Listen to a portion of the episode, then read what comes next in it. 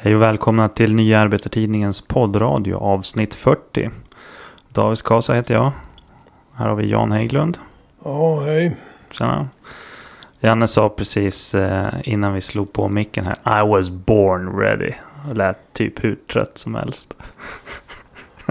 Vad, vad är det här för snack? Vi, eh, vi har ett lite mer relaxat avsnitt idag. Det var ju första maj igår. Och eh, vi eh, storsatsade. Vi hade både torgmöte som vi livesände och vi hade en livesänd inledning om coronakrisen. Det var mycket teknik och mycket fixande. Så att vi tänkte vara lite mer low key som det heter. Eh. Ja, men du måste ju säga vilka försiktighetsåtgärder vi hade vidtagit. Ja, nej, men jag tänkte att du skulle få berätta. Det var ju din idé Ja, det med var, vårt eh, torgmöte där. I vi was tyckte, born ready. precis. Nej, men vi, vi, vi skulle ju upprätthålla arbetarrörelsens dag och traditionen av att vara på torget trots corona. Och då hade du en jävligt bra idé. När har jag inte bra idéer? Så att, Det här med arvodena till exempel. ja, vi ska komma till det. Nej, men bara för att det regnar så ställer man ju inte in den första maj. Va? Man tar på sig regnkläder. Precis. Och när det är corona är så att säga luften eller utandningen. Så då ställer man ju upp sådana här små koner på marken. Med två meters lucka. Så om man eh, väljer en kon så står eh, en person två meter till vänster, en person två meter till höger, en person står två meter framåt och en person står två meter bakom en. Mm. Och hela konkarongen, eh, som det heter, är inspärrad med sån avspärrningstejp av polisiär karaktär, vitt och blått. Eh, som är, Så nu hade vi ju vitt och rött. Det var ju ändå första maj. Liksom. ja okej då, eh, vitt och rött. Eh, som eh, i sin tur är två meter bakom de eh, yttersta konerna. Vilket då innebär att man iakttar social distans. Men man kan ändå upprätthålla arbetarrörelsens dag. Och prata om väsentligheter. Mm. Och det här var ju ganska intressant att se hur Socialdemokraterna ställde in. Och Vänsterpartiet ställde in. Och eh, alla övriga ställde in. Utom vi. Och det roliga var att när konerna, konerna låg där så kom det förbipasserande. Och de hajade så att säga grejen. Och eh, forcerade då det här bandet. Och då tog plats vid en ledig kon. Så det vart eh, värdigt och Mm. bra. Vi hade ju en, en, gräns också där på antalet. Så det var ju lite exklusivt. Ja visst, vi hade ju köpt 30 stycken koner va. Och folk kom ju och... Vi hade inte mobiliserat så många men då kom ju korvätande, glassätande personer som fattade grejen och, och tog en kon. Mhm. Och, så det vart ju, som jag sa, värdigt och bra. Ja. Vi hade också två talare. En som jobbar på eh, Norrlands universitetssjukhus. Och sen var det du som fick prata och så hade vi en konferenser som också no- jobbar på Norrlands universitetssjukhus. Så Mm. det var mycket, det, det, det var en hel del som eh, betonade just hur bra personalen jobbar inom sjukvården och också inom omsorgerna. Äldreomsorg, individ, familjeomsorg, handikappomsorg. Mm. Människor som offrar hälsa och riskerar livet för oss andra. Mm. Betonas ordentligt. Jo. Ja, det vart väldigt lyckat. Det var eh, en del... min sambo kallar det för en konstinstallation nästan. Jag tror Ja. att en del som gick förbi uppfattade nog lite som en sorts... Eh, eh, någonting utöver det vanliga. Det är inte en skok, skock människor med banderoller som du brukar ha på första maj. Utan här var det liksom Två meters lucka, raka led. Ja, det är vad som är lumpen. Och när jag ser första maj-tågen numera så tänker jag.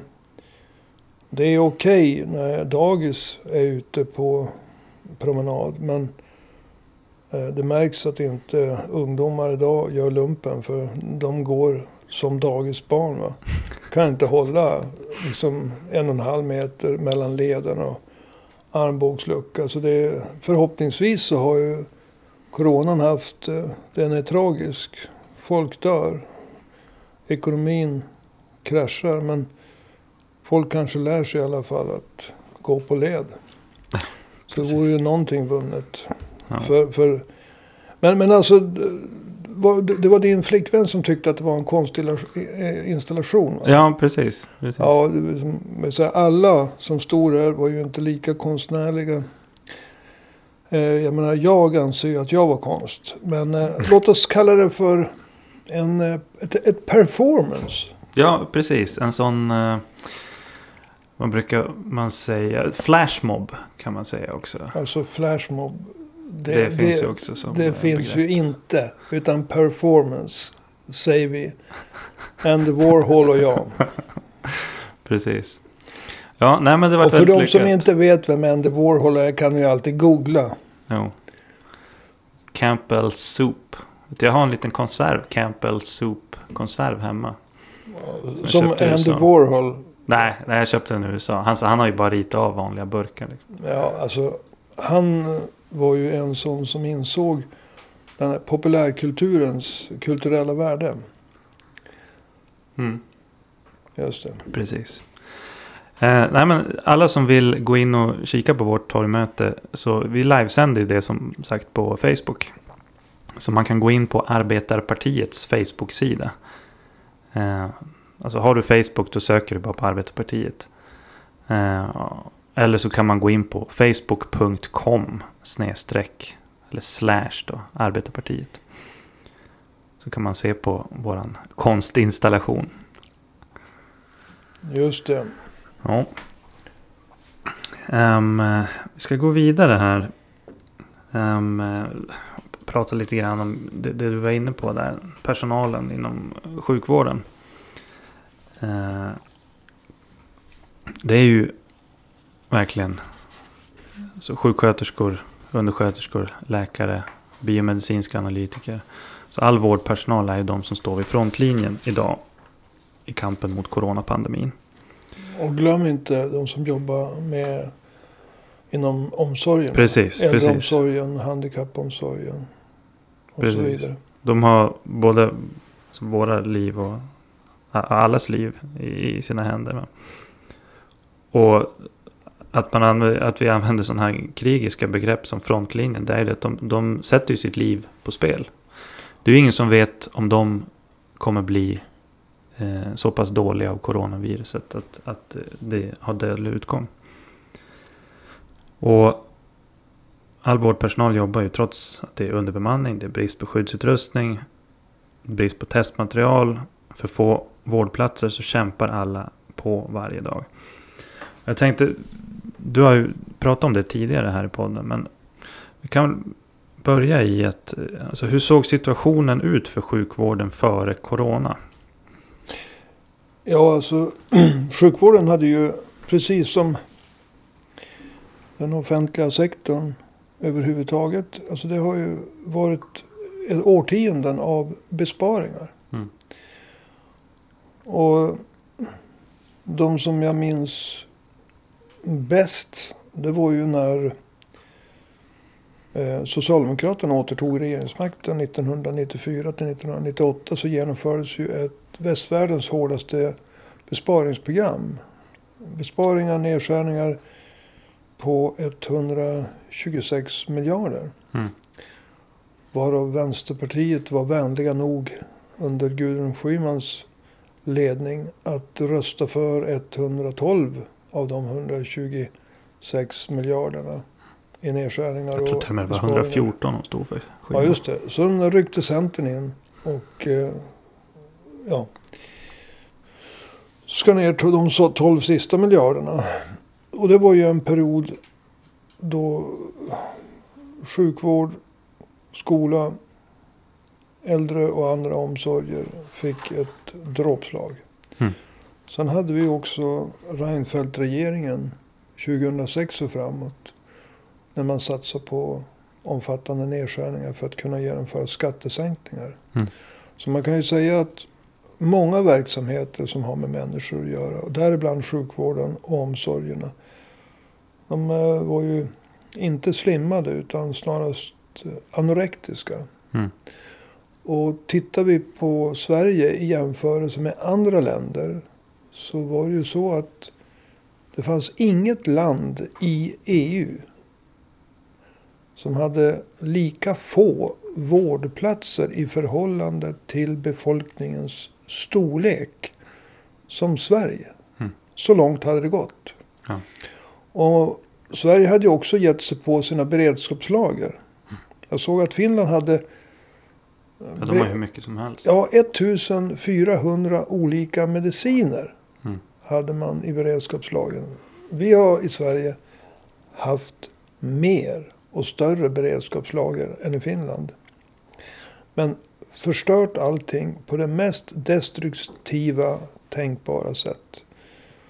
Och 1993 så fanns det möjlighet att med kort varsel Eh, i anspråk ta respiratorer som fanns dels på militärsjukhus, 35 stycken, och dels i plastpåse, malpåse.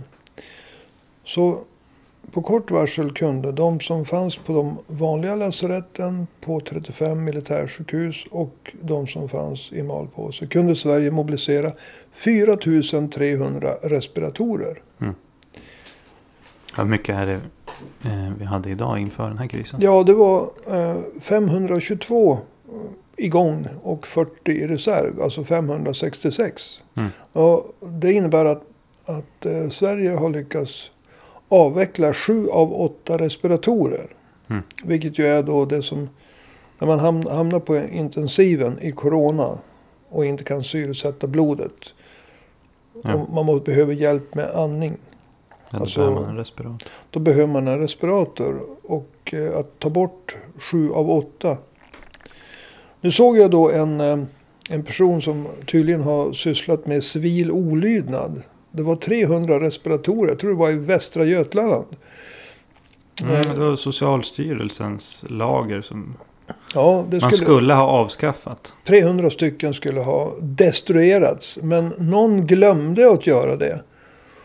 Och om man jämför de där 300 med de 566 som var igång så är det ju över hälften som någon på ett mycket kreativt sätt glömde att destruera. Vilket ju naturligtvis kommer alla patienter till godo idag. Ja, så jag vill gratulera denna civila olydnad som jag är övertygad om låg bakom. Men och, på det stora hela taget. Det är ingen hedrande första plats att ha sämst, minst vårdplatser eh, i hela EU i förhållande till befolkningens storlek. Då, då menar jag inte vårdplatser med respiratorer utan vårdplatser överhuvudtaget. Mm. Så du frågar vilket tillstånd var sjukvården i? Ja, anorektisk. Men eh, personalen har ju på många sätt eh, alltså, slitit som djur. Bokstavligen för att, för att eh, övervinna det här. Eh, har du några exempel? Jag vet, din, din fru jobbar ju bland annat på, eh, inom sjukvården. va? Ja. Eh, det gör hon. Hon är en så kallad BMA. Biomedicinsk analytiker. Mm. Och eh, De har väl gjort en hel del för att utöka sina resurser? ja, det är ett ganska fancy name för vad som tidigare och även idag ibland kallas för laboratorieassistent. Mm. Eh, det kostar en del att, för att få byta titel. Och med, det, det var ju inte så att man fick högre lön. Men, men eh, ibland så måste jag förklara vad hon är. För annars så, så tror de att de knappt, folk kan knappt prata med mig. För att de tror att min fru är professor. Mm. Ja, nu är hon ju ganska mycket professor i, i, när det gäller sitt jobb. Va? Eh, jag tror så här att det var ungefär två stycken som kunde köra coronaprover. Mm. Alltså där hon jobbar kommer igen alla typer av tester. På kön, könssjukdomar, alltså sånt där som man inte pratar om. Eh, malaria. Eh, alltså väldigt exotiska. Eh, även, ja, folk har varit ute och rest va. Mm. Och hittat på både det ena och det andra. De kan ha fått ebola. Allting ska testas. Mm. Och det var två stycken som kunde köra coronatester. Eh, för de har ju olika apparater som de kör tester i. Och eh, det var, tror jag, två stycken. Och nu är det kanske tio gånger så många. För att de utbildade varandra mitt under krisen. Mm. Eh, så några fick stiga åt sidan och bli utbildade av andra. Och så där har det ju varit över hela linjen. Alltså sjuksköterskor till exempel som jobbar på ortopeden. Eller ja, överhuvudtaget. Va? Eh, runt hela lasarettet. Det är ju väldigt många. De har utbildat sig, vidareutbildat sig så att de kan jobba på IVA, intensivvårdsavdelningen. För att ta hand om svårt coronasjuka. Man har flyttat avdelningar. För att eh, de ska kunna få vara mer isolerade. Alltså man har styrt om inom sjukhuset. Så att folk med coronasmitta inte ska smitta ner hela lasarettet. Allting det här har ju skötts liksom av den ordinarie personalen. Som eh, har fått jobba över och jobba över mer och jobba över ännu mer. Mm. Samtidigt som man har skjutit upp då eh, olika tester, analyser, undersökningar och operationer. Så det finns ju nu ett berg av arbetsuppgifter som har fått stå tillbaka för att mm. man ska kunna rädda livet på coronasjuka. Ett berg av arbetsuppgifter som måste eh, liksom, ja, bearbetas. Man må, det är en gigantisk puckel som man måste arbeta av ja. senare. Och nu kommer ju sommaren. Ja, precis. Jag tänkte för en sån här kraftsamling som man har gjort eh, kring corona. Den, den kommer ju inte gratis. Jag såg dessutom, de tillverkar ju nu eh, på Norrlands universitetssjukhus egen skyddsutrustning dessutom. Såna här plastrockar. Men, men eh, det måste ju få konsekvenser någonstans. Alltså hur är det till exempel med, med en fråga som alltid brukar vara stor inom sjukvården, semestrarna på sommaren? Ja, och den verkar ju liksom för många vara mycket oklar. Jag menar, det är svårt att tänka sig en sommar utan att lokaltidningarna inte eh, skriver om brist på sjuksköterskor och annan vårdpersonal. Mm. Eh, under, ja, från 1990 och framåt så var SJ, i den mån SJ fanns kvar, alltid förvånad varje vinter. Det snöade, det slog aldrig fel. Tågen var försenade och SJ sa att det snöar ju. Mm. Och så vitt jag vet så har det snöat i Sverige åtskil, åtskilliga år. Det har inte tendens att göra det. Hundraden. Men på 1800-talet så gick tågen i tid. Och det är precis samma sak. Det är som att de som planerar personalen. Eh, liksom, de, de slås på samma sätt som SJ överraskades av vintern. Så slogs de av att oj det är sommar. Det är, vi behöver kanske semestervikarier. Men det, det som var kul på, på sitt sätt, utom för de som drabbades naturligtvis. Men alltså det, det, det roliga i det hela, den svarta humorn är ju att de som var ansvariga, politikerna och deras räknenissar eh, på Nustom. Mm. Verkade ju aldrig lära sig från ett år till ett annat att de måste skaffa sig vikarie, sommarvikarie. Och eh, nu så är ju den ackumulerade uppskjutna berget av arbetsuppgifter större än någonsin. Å ena sidan. Och behovet av semester för den personal som har jobbat över och jobbat och jobbat. Som har riskerat hälsa, till och med liv för att ta hand om folk. Behovet av semester är större än någonsin. Mm. Så det blir ju en fullständig krock mellan att personalen aldrig har behövt semester så mycket som nu. Och det har aldrig funnits en, en sån gigantisk puckel av obearbetade undersökningar, operationer med mera. Och du snackar ju om de här räknenissarna. Alltså, det är ju intressant hur man skulle kunna lösa det här.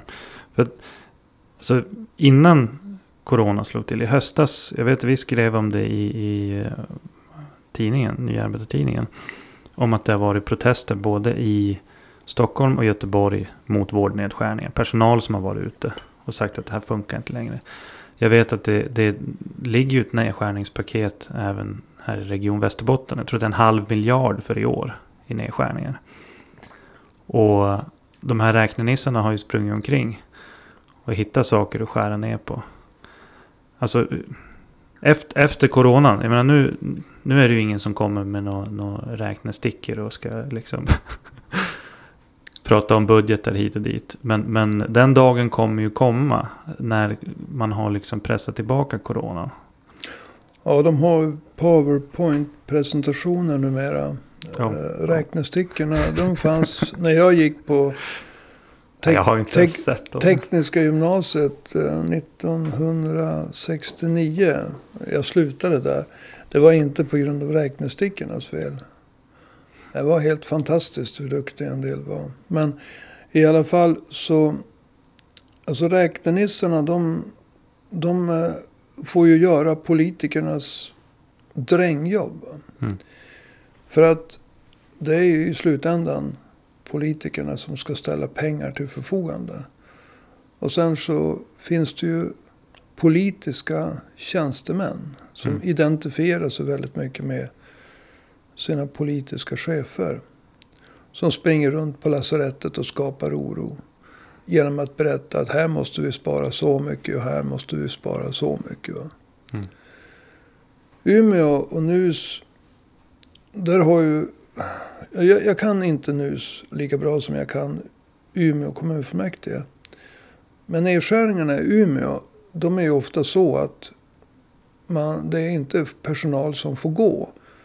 Eftersom Umeå är en stad som har vuxit under många år. Tionden. Utan det är helt enkelt så att personalen ökar lite. Och arbetsuppgifterna ökar mycket. Så nedskärningarna, de, om vi tar inom till exempel äldreboenden. Det som kallas förut för särskilda boenden. När jag började i kommunfullmäktige.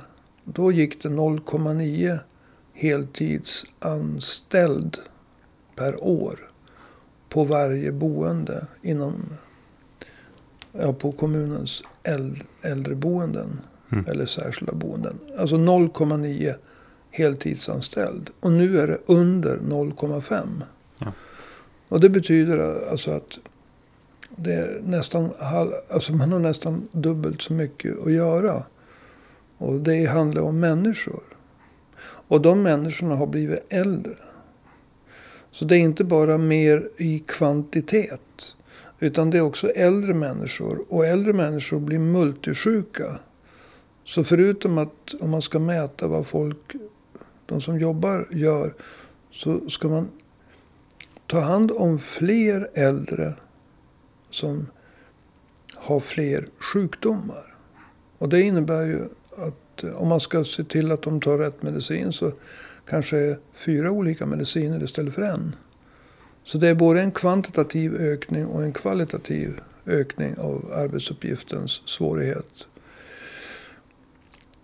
Eh, så situationen har ju blivit sämre och sämre. Vad var det du ställde för fråga? Ja, det, det är ju... Jag för, förlorade mig. Jag blev så förbannad när jag tänker på utvecklingen. Jo. Nej men eh, jag, jag tänkte mig mer vad, vad, du tror om framtiden. Va? Alltså räknenissarna och politikerna, nedstjärnorna, de, de ligger ju lågt nu. Det är ju ingen som, som eh, ja, man ska aldrig säga aldrig, men hittills är det ju ingen som har gått ut och sagt eh, och, och gjort politiskt självmord så att säga genom att säga att nej, men nu ska vi liksom gå vidare med de här nedskärningarna inom sjukvården som vi hade planerat. Det har ju egentligen varit en upprustning nu. Alltså, vad är det, är det över tusen intensivvårdsplatser som finns nu till exempel? Med respiratorer. Ja. Och, så, så att initiativet ligger ju på ett sätt hos vårdpersonalen. Så ja, det, är, det, är ju ingen, det är ju ingen som vågar gå ut nu och presentera något nedskärningsprogram på en halv miljard. Det... Men hur blir det i framtiden? Hur ja, ska man kunna behålla initiativet hos personalen? Det är en öppen fråga. Alltså, om inte personalen, om inte deras fackförbund som Vårdförbundet, Kommunal och jag vet inte om läkarna vad de har för fackförening. Jag vet inte, de heter väl kanske Läkarföreningen eller Läkarförbundet. Ja. Eh, de, de brukar... får googla så inte vi ger bort oss här i ja, Nej, men alltså det är ju det är inte så ofta man har sett hundra läkare på torget. Som har ropat taktfasta talkörer. Sveriges läkarförbund heter de. Ja. Och, och det, visst, det visste vi redan. Ja, nej men alltså läkarna har ju då eh, en annan man säger, ställning. De brukar inte vara på torgen. De, men de, jag menar, de, de protesterar ju de också. Det... Ja, det de, de var ju faktiskt nu i, i Stockholm och eh, Göteborg har ju de varit på torgen. Tillsammans med sköterskorna. Det är ju, det är ju strålande.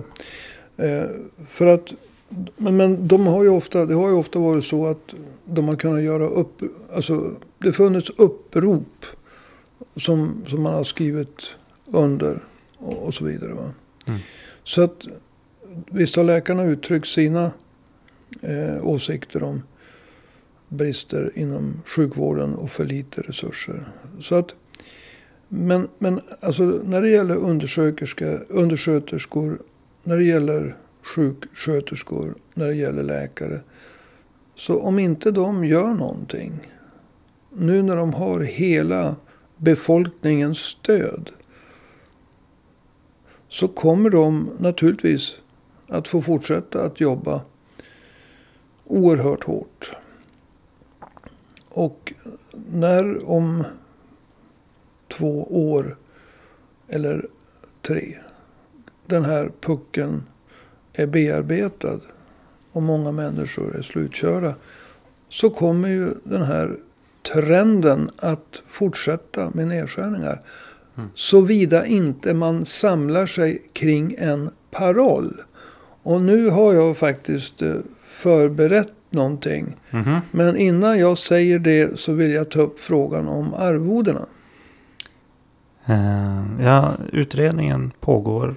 Uh, och uh, vi återkommer med en, ett svar i frågan om arvodena någon gång i april 2023. Så kan vi gå vidare till parollen då? Ja, jag... jag alltså, det här med tra, tra, tra, tragi, tra, tragikomisk och svart humor.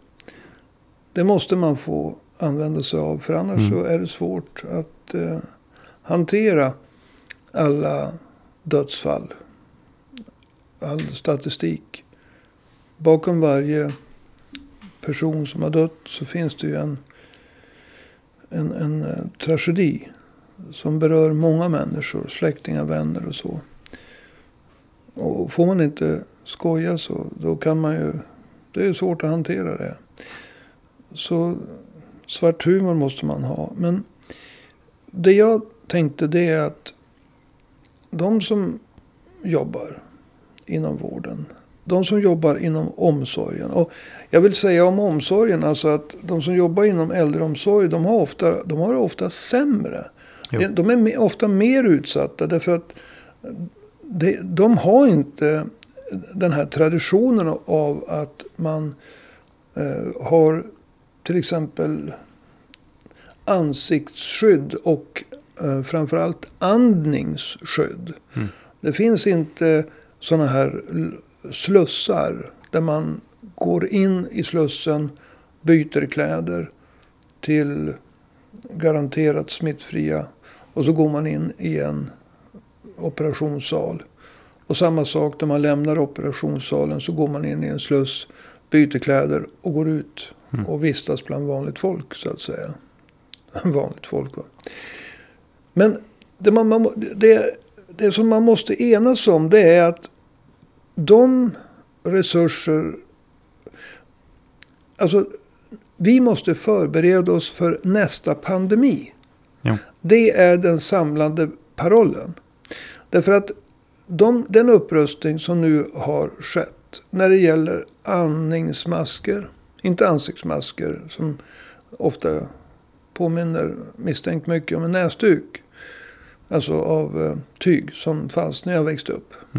Ja, sådana som man kan ha på sig om man eh, inte vill smitta andra. Men om man går på stan. Vi brukar ju se en del eh, studenter som går förbi här utanför fönstren Ja, med sådana där. Du, du menar sådana här riktiga masker som sjukvårdspersonal? eller? ja Mm. sådana som tål senapsgas. Om vi nu ska ha svart humor. Nej men de är väldigt tunga att andas i. Man brukar kunna jobba i dem 30 minuter. Sen är man alldeles slut. Därför att man får ta i för att få luft. Mm. Nej men alltså vi måste samlas till stöd för sjukvårdspersonalen och omsorgspersonalen. Vi måste samlas bakom, alltså det här är ingen paroll som är så klatschig. Men alltså till saken hör att den här pandemin kan inte ses som någon sorts eh, naturkatastrof som aldrig händer igen. Mm. Alltså vi hade ryska snuvan 1889. Det låter nästan gulligt, ryska snuvan. Men folk dog, det var en pandemi. Mm. Och sen så kom spanska sjukan som var en enorm dråpare. En tredjedel av världens befolkning 1918. Som var på 1,8 miljarder då, världens befolkning. En tredjedel drabbades av span- spanska sjukan och folk dog, fler dog. Eh, Det, var samma år den bröt ut som första världskriget slutade. Och fler dog i spanska sjukan än i första världskriget. Ja, 20 till 50 miljoner. Ja. Och sen eh, så kom asiaten eh, 1957. Och därefter Hongkong-influensan 1968. Och sen hade vi en del mindre saker. Men låt oss hoppa till svininfluensan 2009. Mm. Och med tanke på att eh, en, 2018 så var det 1,8 miljarder människor som gjorde internationella resor. Mm. Så sprids ju Med flyg. med flyg alltså. Ja. Så sprids ju sådana här virus som hoppar över från djur till människor. Och sen sprids från människa till människa. Sprids ju med ja, överljudsfart. Mm. Alltså, tänk efter. Vi har haft, alltså på 130 år, från ryska snuvan 1889 till eh, coronasmittan, coronaviruset 2019. Det är 130 år där. Sex stora pandemier. Men 1889, ja, då förekom det inte 1,8 miljarder människor som gjorde internationella flygresor. Nej. Däremot redan 1889 så var det längs allfartsvägarna. Längs Tågen hade ja, slagit igenom då. Det var alltså den första som blev sjuka enligt de svenska vad heter det, läkarrapporterna. Distriktsläkarrapporterna. Det var stinsarna. Ja. Föll som klubbade sälar. Om vi nu får fortsätta med svart humor. Och alla som så att säga hade med järnvägen att göra. Men nu går ju allting så fort. Och det är ju också det att människor kommer i kontakt med de vilda djuren på ett annat sätt. Alltså, jag, jag kommer, vad, vad heter han? Rob Wallace. Eller någon, det, det är en biolog. Det är han som du snackade om förra Ja. avsnittet. Precis. Alltså, han tog ju upp det här med att vägbyggen, eh, ma- djurmarknader mitt i stora städer. Där man liksom även säljer och slaktar och säljer vilda djur. Alltså kontakten mellan en brutal och ogenomtänkt, oöverlagd kontakt mellan vilda djur fjäderfän och människor. Det innebär, det ökar liksom de här möjligheterna att sjukdomar kan hoppa över från djur till människor exponentiellt. Mm. Inte i en jämn kurva utan i en brant stigande kurva. Och sen med 1,8 miljarder människor som reser internationellt med flyg. Så sprids det ju. Så jag menar att säga att det här inte är en, att, att en pandemi. Det är inte en, ett undantag. Ett, en naturkatastrof som ska ses som någonting närmast övernaturligt. Mm. Utan pandemier kommer att vara ett, jag ska inte säga naturligt, men oundvikligt. Ja, nej, naturligt. Både Pan- naturligt och oundvikligt. Oundvikligt inslag i det mänskliga livet Mm. från och med nu. Och, det måste, och med den insikten så måste man titta på sjukvården. Med den insikten måste man titta på äldreomsorgen och andra omsorger. Och då måste man tänka om. När det gäller hur mycket resurser sjukvård och omsorger ska ha. Och då handlar det i första hand om personal. Och i andra hand om utbildning av personal. Och i tredje hand om utrustning. Personal, utbildning och utrustning. Och då kan vi inte, vi måste gå alltså bort från den här anorektiska eh, vårdapparaten. Mm. Vi måste gå till en mer normalt eh, röstad apparat. Mm. En icke anorektisk. Effektiv, ja. Välutbildad, ja. Välutrustad, ja. Men inte anorektisk. Mm. Och då måste vi sluta med nedskärningarna. Precis. Och betala priset. Ja. Du, eh, det var ju ingen riktig paroll som kom ur det där. Men eh, det var ett resonemang som hette duga. Eh, Jag tänker att vi ska ta och avrunda här. Men du får ju som vanligt några sista välvalda ord. Antingen Ja. om ämnet eller, eller om arvoden eller vad du nu vill. Jag, jag trodde att du antydde att jag tillhörde riskgrupperna. Men eh, även om jag är i mogen ålder så tillhör jag inte ännu. Eh, jag har några år kvar innan jag tillhör riskgruppen av rent åldermässiga, Mm. åldersmässiga skäl.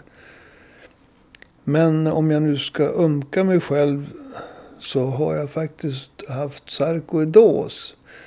Eh, Men jag blev friskförklarad 1993 så jag kan väl inte... Det är ju ett tag sedan. Ja, så jag kan väl inte eh, tilldra mig någon sorts ömkan.